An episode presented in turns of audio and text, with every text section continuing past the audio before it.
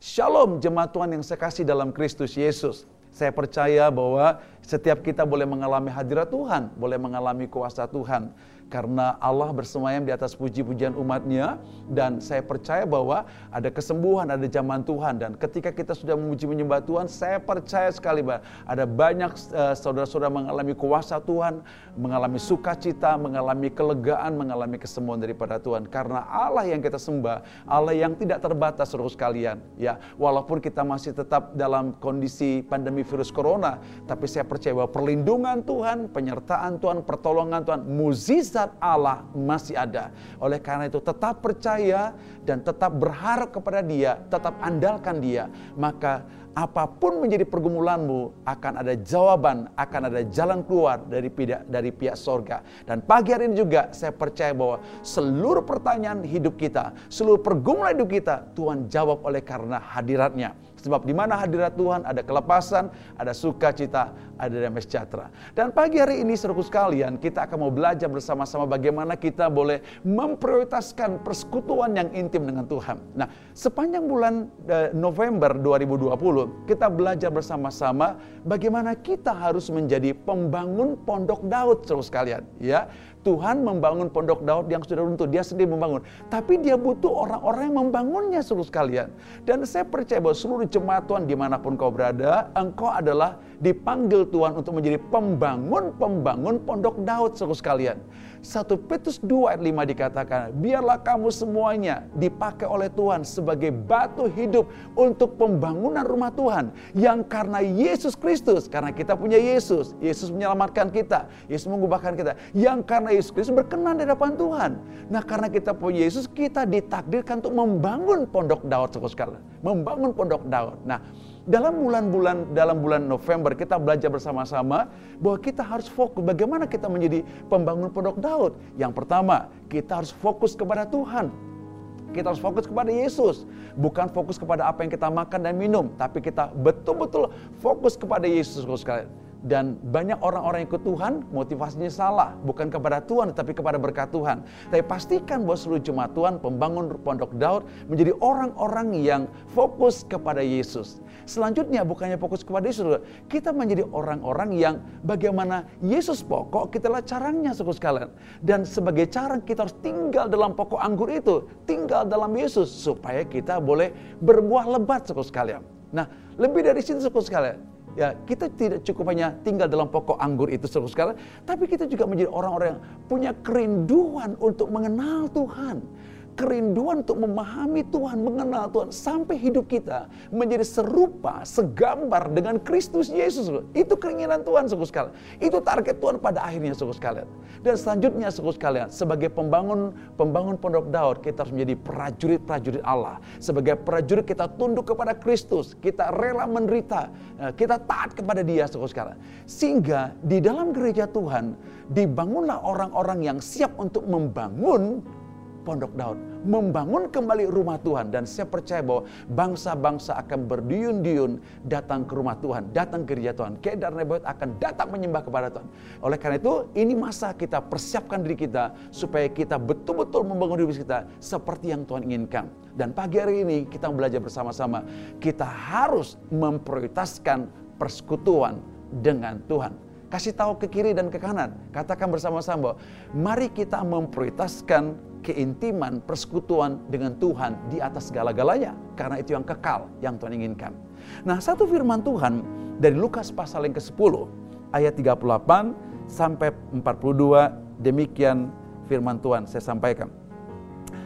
Ketika Yesus dan murid-muridnya dalam perjalanan, tibalah ia di sebuah kampung. Seorang perempuan yang bernama Marta menerima dia di rumahnya. Perempuan itu mempunyai seorang saudara yang bernama Maria. Maria ini duduk dekat kaki Tuhan dan terus mendengarkan perkataannya. Sedang Marta sibuk sekali melayani. Ia mendekati Yesus dan berkata, "Tuhan, tidakkah Engkau peduli bahwa saudaraku membiarkan aku melayani seorang diri? Suruhlah dia membantu aku." Tetapi Tuhan menjawabnya, "Marta, Marta, engkau khawatir dan menyusahkan diri dengan banyak perkara. Tetapi hanya satu saja yang perlu, Maria memilih, Maria telah memilih bagian yang terbaik yang tidak akan diambil daripadanya. Satu ketika Yesus eh, pergi ke sebuah kampung, seluruh sekalian, dia bertemu dengan seorang yang bernama Marta dan Marta menerima dia di rumahnya. Marta memiliki seorang saudari kakaknya bernama Maria, seluruh sekalian. Kalau kita dengar tentang pernah kita dengar berita tentang Marta Maria, seluruh sekalian, kita pikir bahwa oh Maria ini adalah orang yang dekat dengan Tuhan, Marta tidak, seluruh sekalian. Uh, tetapi yang penting saudaraku di sini adalah uh, uh, bukan mana yang paling penting saudara sekalian, tetapi prioritas mana yang harus kita kerjakan. Apakah Marta lebih baik? Ap, maaf, apakah Maria lebih baik daripada Marta? Tidak juga saudara sekalian. Atau kita katakan Marta lebih buruk dari Maria? Enggak juga saudara. Marta per, perlu, uh, uh, Maria perlu, Marta juga perlu saudara sekalian. Tetapi ini adalah satu kehidupan mana yang kita prioritaskan saudara sekalian. Nah, ketika Yesus datang ke rumah mereka saudara sekalian, Maria, Alkitab katakan di ayat yang ke uh, di, di ayat 39, uh, eh, perempuan itu uh, perempuan itu mempunyai seorang saudara yang bernama Maria. Maria ini duduk dekat kaki Tuhan dan terus mendengarkan perkataannya. Jadi Maria sudah mengambil keputusan dalam hidup dia. Ketika Yesus datang ke rumah dia, ada banyak hal yang bisa dilakukan. Tapi Maria mengambil keputusan dan itu yang kekal.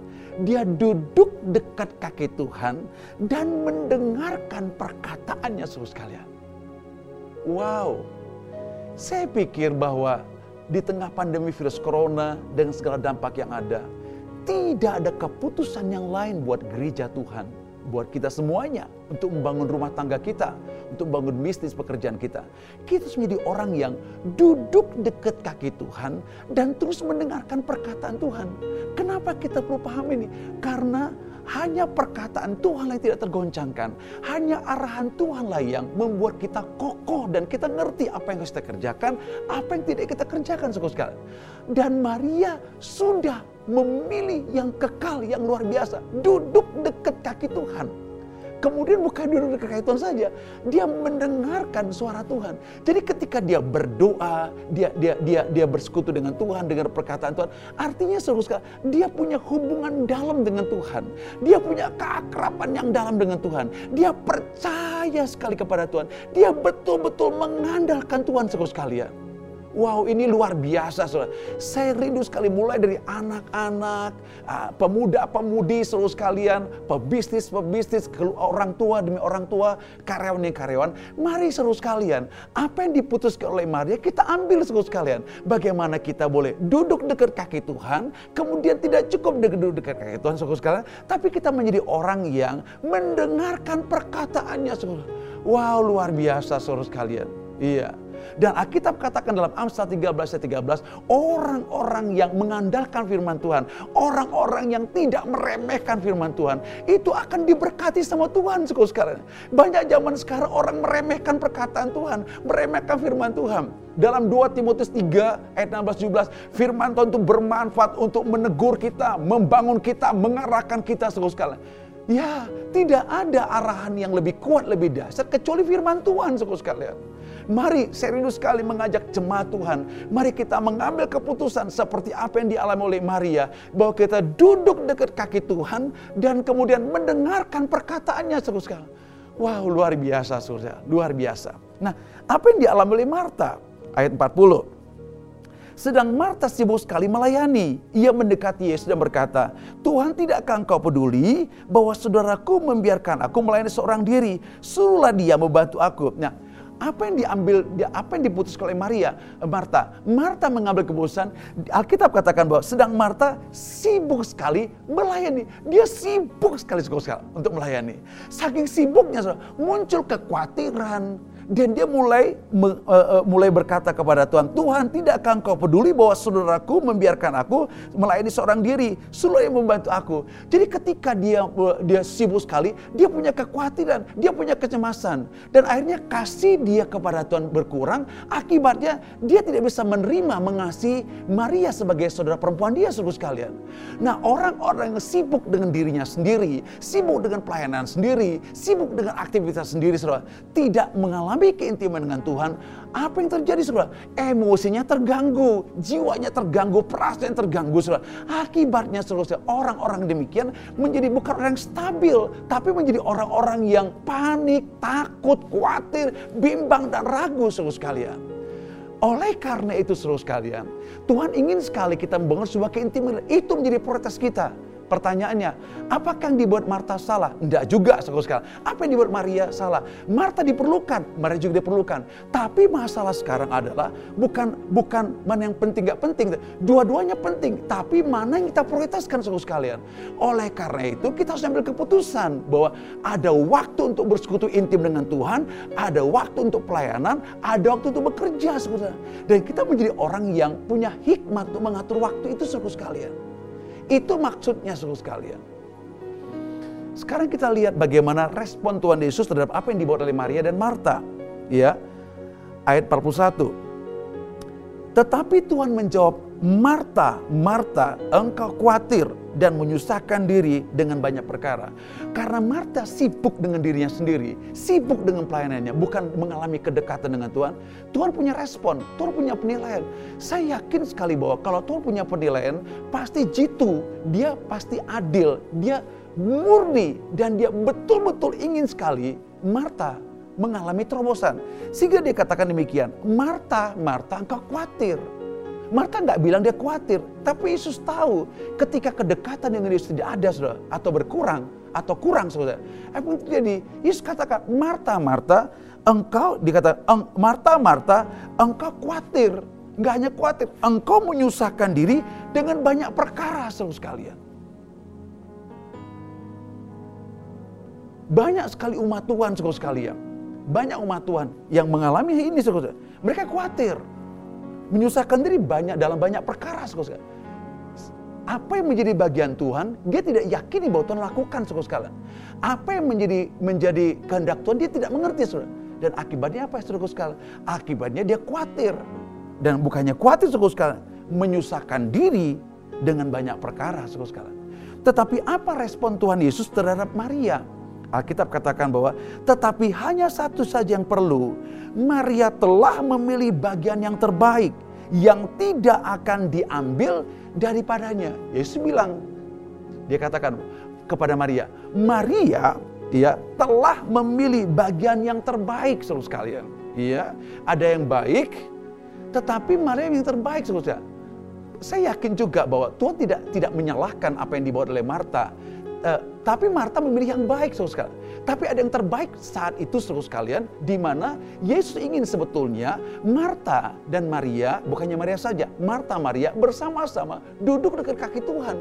Karena Yesus hadir, saudara sekalian. Tetapi di waktu yang lain, mungkin tidak tidak seperti Mar, Mar, Mar, Maria lakukan bahwa duduk dekat kaki Tuhan dengan perkataannya. Mereka sibuk pergi dan melayani, saudara sekalian.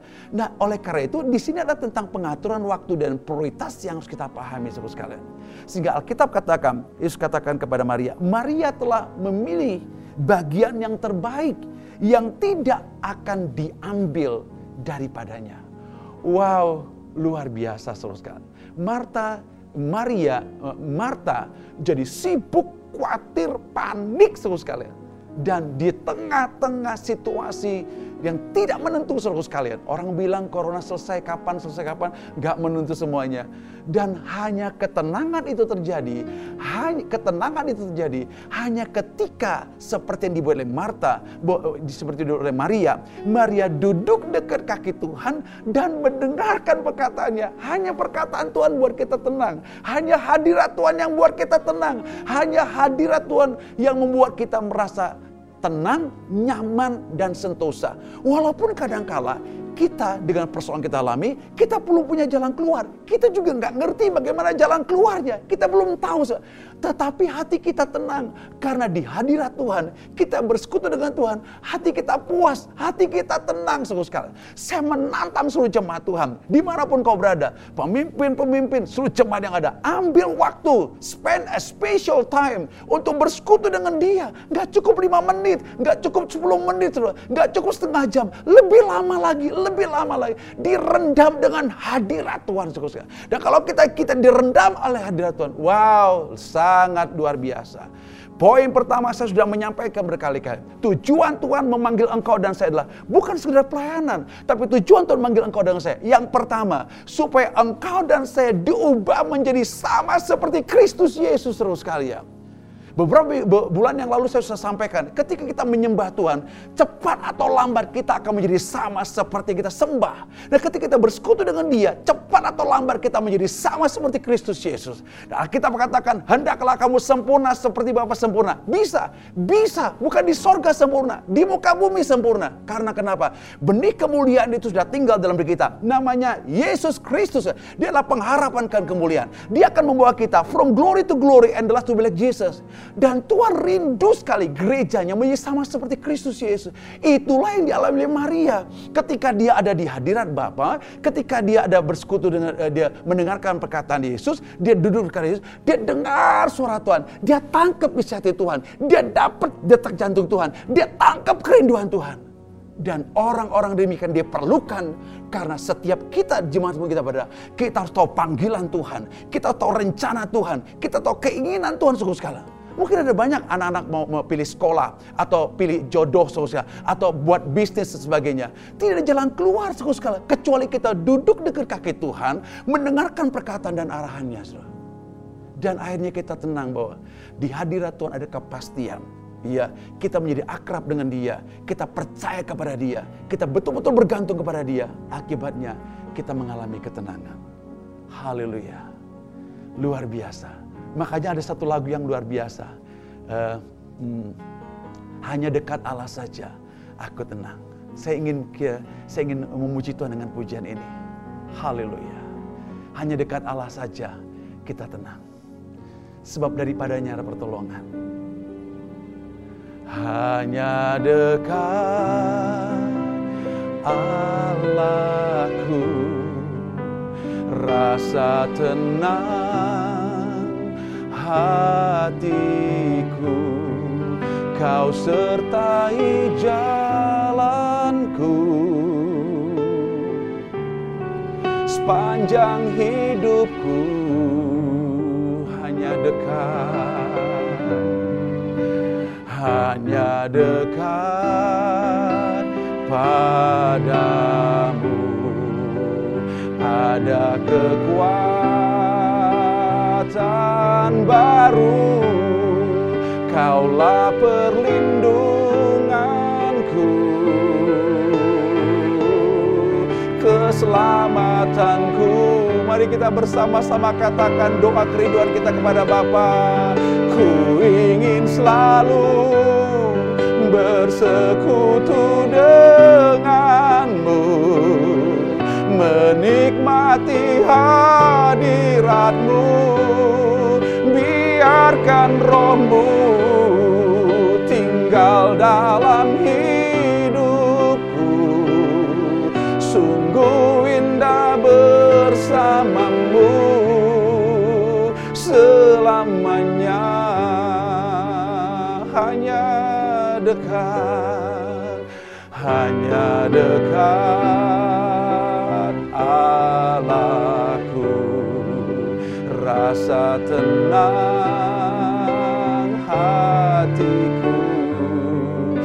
Kau sertai jalanku. Sepanjang hidupku hanya dekat. Hanya dekat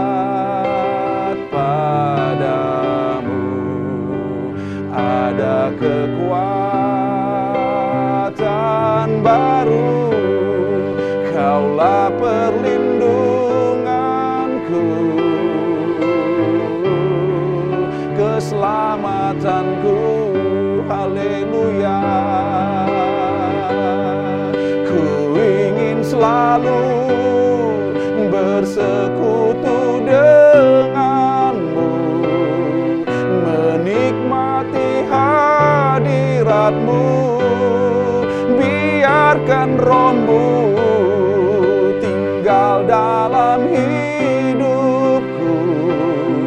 Sungguh indah bersamamu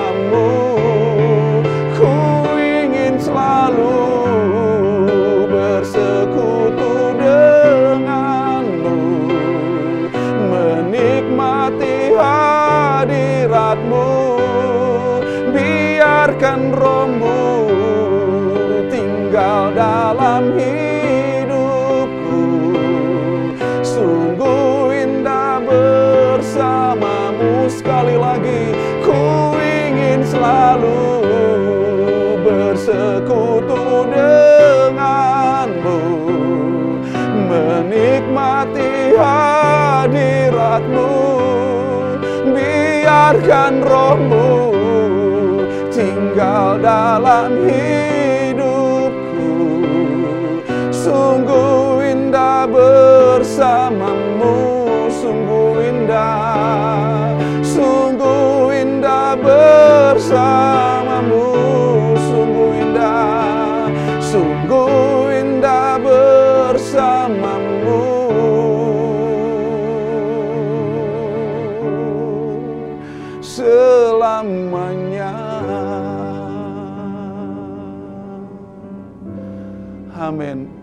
betul saudara sekalian, hanya tinggal dalam hadirat Allah ada ketenangan. Tidak ada jaminan di pihak yang lain saudara sekalian. Ketika mungkin kau mengalami sakit penyakit, ada kekhawatiran, hanya dalam tinggal dalam hadirat Tuhan, dalam bersekutu dengan Dia engkau mengalami ketenangan. Luar biasa. Marta dipuji sama Tuhan Yesus. Maria dipuji sama Tuhan Yesus. Marta dia tidak bisa memprioritaskan yang utama. Nah, tetapi kenapa Maria mengalami ini? Ternyata saudara sekalian, karena memang dia sudah terbiasa membangun keintiman dengan Tuhan. Nah, oleh karena itu rindu sekali bahwa seluruh jemaat Tuhan di mana kau berada, baik di Bandung, di luar kota Bandung, di luar negeri, sekalian, Tuhan rindu sekali kita membangun kebiasaan ya sebuah keintiman yang dalam dengan Tuhan. Dan ini dialami oleh Maria saudara sekalian. Kita lihat saudara sekalian dalam Lukas pasal yang ketujuh, Lukas pasal yang ketujuh, ya Lukas pasal 7 ayat 38 ya. Eh, Lukas pasal 7 ayat 38 demikian firman Tuhan. Lukas pasal 7 ayat yang ke 38 ya. Eh, saya bacakan ya. Di kota itu ada seorang perempuan, Lukas pasal 1 37 38. Di kota itu ada seorang perempuan yang terkenal sebagai seorang yang berdosa. Ya. Eh, ketika perempuan itu mendengar bahwa Yesus, bahwa Yesus sedang makan di rumah orang Farisi itu, datanglah ia membawa sebuah buli-buli pualam berisi minyak wangi. Sambil menangis ia berdiri, ya sambil menangis ia pergi berdiri di belakang Yesus dekat kakinya, lalu membasahi kakinya itu dengan air matanya dan menyekanya dengan rambutnya, kemudian dia mencium kakinya dan meminyakinya dengan minyak wangi. Jadi ketika yang namanya uh, uh, Maria merasa dirinya berdosa, saudara, dia datang kepada Yesus, duduk dekat kaki Yesus, saudara, dan dia meminyaki kaki Yesus, dia membasahi kaki Yesus, dia uh, uh, dengan air matanya, saudara. Artinya bahwa seluruh sekalian, yang Tuhan inginkan buat kita, kita harus membangun kebiasaan bersekutu dengan Dia dengan cara rindu dengan Tuhan, haus akan Tuhan, lapar akan Tuhan seluruh sekalian. Wow, luar biasa. Makanya dikatakan dalam Matius pasal 5, berbahagialah orang yang lapar dan haus akan kebenaran, karena mereka akan dipuaskan. Kebenaran itu firman Tuhan, kebenaran itu Yesus Kristus sendiri. Ketika kita haus lapar kepada Dia, kita pasti akan dipuaskan. Maria seluruh sekalian datang kepada Yesus kemudian dia menyeka menyeka Yesus dengan air matanya dengan, dengan dengan rambutnya dia bersihkan kemudian dia pakai minyak wangi dia cuci kaki Yesus wow luar biasa saudara sekalian saya rindu sekali, bukan saya, tapi Tuhan rindu sekali. Jemaat Tuhan membangun kehidupan demikian rupa. Kehidupan keintiman dengan Tuhan. Bersekutu dengan dia, mencium dia, memeluk dia. Wow, Kuralarabasi, karalarabasi. Ini kerinduan Tuhan seluruh sekalian. Ini kedua. Bukan berarti kita tidak boleh bekerja, bukan berarti kita tidak boleh melakukan banyak hal, tapi yang utama yang kita prioritaskan keintiman dengan Tuhan. Saya percaya sekali, ketika umat Tuhan lapar haus akan Tuhan, mau bersekutu dengan Tuhan, mukjizat terjadi, kuasa dilepaskan Tuhan. Tidak ada pertolongan di luar, tidak ada kekuatan di luar kecuali dalam hadirat Tuhan saudara oleh karena itu saya sekali bahwa jemaat Tuhan, bangunlah kebiasaanmu untuk intim dengan Tuhan. Spend a special time, pagi hari, malam hari, kapan waktu di mana kau merasa bahwa engkau merasa betul-betul harus kau bangun keintiman dengan Tuhan. Bangunlah keintiman dengan Tuhan. Dan dengarkanlah suaranya. Dan itu sangat mempengaruhi seperti saya katakan. Sangat mempengaruhi karaktermu. Engkau menjadi orang-orang yang takut akan Tuhan. Menjadi orang-orang yang punya jiwa yang stabil, jiwa yang berkemenangan, pikiran berkemenangan, hati yang berkemenangan. Dan itulah yang dialami oleh Maria dan Marta. Ketika uh, saudara laki-laki mereka, Lazarus meninggal dunia, apa yang terjadi seluruh sekalian? Yesus pergi ke rumah mereka dan uh, uh, waktu bertemu dengan Marta, Marta bilang, wah sepertinya telat. Karena dia sudah mati, udah lama gitu loh. Yesus bilang ini, enggak, Aku adalah kebangkitan dan hidup. Kalau kamu percaya kepada aku, kamu akan bangkit. Demikian. Tapi Marta tidak ngerti, saudara. Tapi apa yang dibuat Maria? Ketika Maria bertemu dengan Yesus, dia tersungkur. Dan ketika dia tersungkur, dia menangis, saudara sekalian. Artinya bahwa tidak lagi kata-kata yang diucapkan dia. Kecuali keintiman dia dengan Yesus yang kuat. Yang menyebabkan Yesus mengerti maksudnya. Dan Alkitab katakan, Yesus menangis, terharu dengan semuanya. Dan akhir dari cerita itu apa yang terjadi? Muzizat Allah terjadi. Lazarus dibangkitkan. Apa karena mereka hebat? Apa mereka luar biasa? Tidak. Apakah Maria luar biasa? Tidak. Tapi kedekatan Maria terhadap Yesus menyebabkan hati Yesus menjadi menangis, maskul, rindu untuk menyatakan kemuliaan Tuhan. Ketika engkau bersekutu dengan Tuhan dalam doa pujian penyembahan, ketika kau bersekutu dengan Dia, doamu naik ke sorga, pujamu naik ke sorga, itu membuat hati Tuhan tertarik, senang, dan bersuka cita. Sehingga apa yang menjadi pergumulanmu, sakitmu disembuhkan, perkara jodoh, perkara sekolah, apa pun suku pergumulan yang paling berat, perkara keuangan, dapat Tuhan selesaikan. Ketika kau dalam hadirat Tuhan, kau tangkap hati Tuhan, kau tangkap kerinduan Dia. Jemaat Tuhan, mari kita bersama-sama memprioritas, memprioritaskan keintiman dengan Tuhan di atas segala-galanya. Bukan berarti yang lain tidak boleh. Lakukan semuanya dengan kesibukan yang lain. Tapi utamakan keintiman dengan Tuhan. Dan saya percaya bahwa setiap pergumulan yang kau hadapi akan ada jalan keluar. Saya menantang anak-anak muda, anak-anak, keluarga-keluarga. Mari kita bersekutu lebih dalam lagi dengan Tuhan. Dapatkan dapatkan arahan daripada Dia, dapatkan perkataan firman-Nya yang mengarahkan kita. Oleh karena itu, dalam persekutuan dengan Dia, bangun sebuah keakraban. Bangun sebuah keintiman bukan hanya akrab saja, berhubungan yang intim dengan Dia, tapi kita percaya kepada Dia dan kita bergantung penuh kepada Dia diberkatilah orang-orang yang mengandalkan Tuhan. Haleluya. Amin. Tuhan Yesus memberkati. Haleluya. Jemaat Tuhan mari kita bersama-sama berdoa. Saya ingin berdoa kalau ada jemaat Tuhan di mana pun kau berada. Engkau mungkin mengalami sakit penyakit. Engkau mengalami kecemasan dalam hari-hari hidupmu persoalan keuangan, ekonomi, atau rumah tangga, atau mungkin e, rumah tanggamu akan dalam perceraian, tapi saya percaya masih ada pertolongan daripada Tuhan. Atau mungkin kau punya kebiasaan buruk yang kau sulit melepaskan, tapi percayalah bahwa hari ini, detik ini, kuasa Allah sedang dilepaskan dan dinyatakan. Kalau kau rindu, mari, mari, di mana pun kau berada, angkat kedua belah tanganmu, dan saya rindu berdoa buat seluruh jemaat Tuhan di mana pun engkau berada. Bapak Sorgawi, kami berdoa dan kami percaya bahwa, Yesus Kristus tetap sama dulu, sekarang, sampai selama-lamanya. Kami tetap percaya bahwa ada kuasa dalam nama Yesus. kami tetap percaya oleh bilur-bilur Yesus kami disembuhkan. Kami tetap percaya oleh karena kuasa darah Yesus kami dilepaskan daripada kuasa dosa. Kami tetap percaya bahwa di dalam nama Yesus ada jalan keluar. Walaupun ada banyak tembok-tembok jalan buntu yang kami lihat. Oleh karena hamba berdoa dalam nama Yesus Kristus. Setiap saudara-saudaraku yang mengalami sakit penyakit di rumah atau di rumah sakit atau mungkin bukan mereka tetapi ada anggota keluarga yang sakit.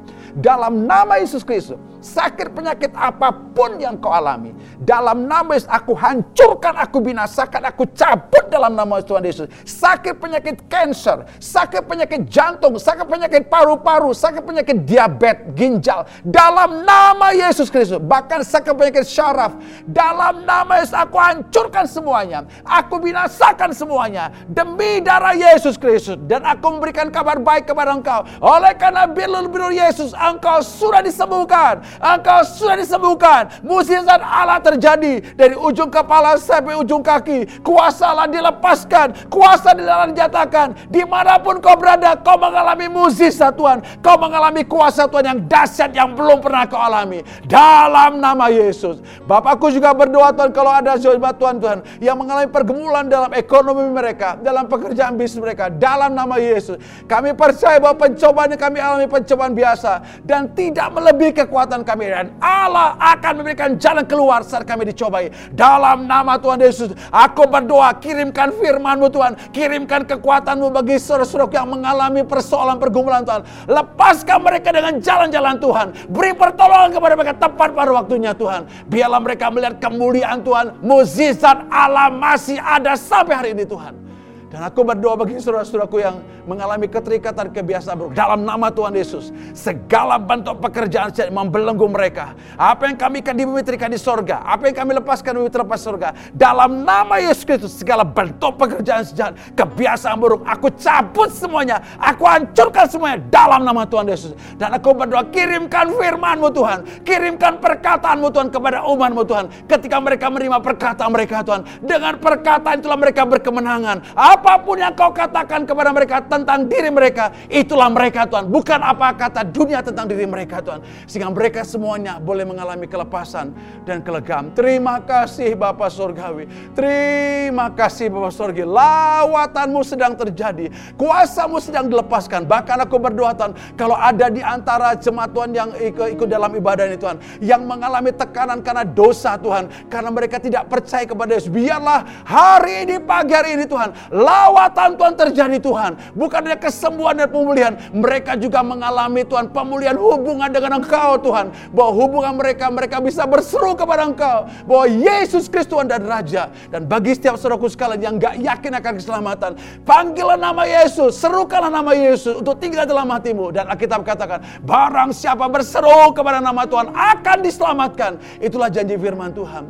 Terima kasih buat hadiratmu. Terima kasih buat kaswasamu yang sedang bekerja di mana-mana Tuhan. Terima kasih, terima kasih, terima kasih. Kami mau bersyafaat bersama-sama buat gereja Tuhan. Bangkitkanlah gerejamu Tuhan. Gereja yang cemerlang Tuhan. Yang punya keakraban, keintiman dengan Engkau. Yang percaya penuh kepada Engkau. Yang mengandalkan Engkau Tuhan. Tidak sibuk dengan hal-hal yang mereka harus kerjakan. Tapi memprioritaskan keintiman dengan Engkau di, atas, di, atas segala-galanya Tuhan. Sehingga dalam gereja Tuhan di mana pun kayak berada Tuhan. Ada pembangun-pembangun rumah Tuhan.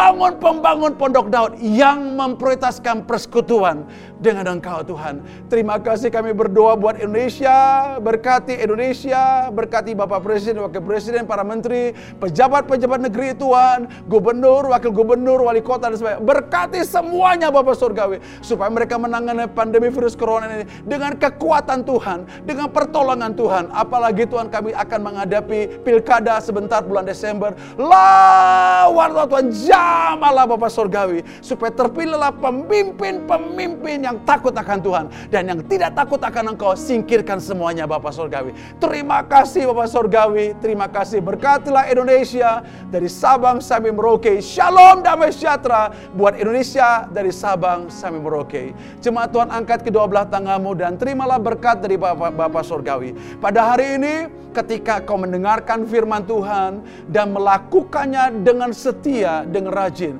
maka Tuhan akan mengangkat engkau ke atas segala bangsa di muka bumi. Di mana pun kau berada, di kota, desa, di pulau-pulau, di kecamatan, di provinsi, atau di kabupaten, di desa-desa, Engkau diberkati oleh Tuhan. Keluar masuk rumahmu diberkati Tuhan. Apa pun yang kau kerjakan, kau berhasil menjadi kepala bukan menjadi ekor. Engkau akan mengalami realita kehadiran Tuhan. Kuasa Allah tidak terbatas, kau akan alami. Muzizat-muzizat Allah yang tidak lazim sekalipun, itu terjadi dalam hidupmu. Itu yang menyertai engkau. Dan persekutuan yang intim dengan Bapa sehingga kau mendengarkan suaranya dan kau menyediakan waktu yang spesial dengan dia dan persekutuan dengan Roh Kudus menyertai engkau dari sekarang sampai selama-lamanya. Haleluya. Terima kasih Bapa. Mari kita katakan bersama-sama. Amin. Tuhan Yesus berkati. Selamat hari Minggu. Tuhan Yesus berkati. Haleluya.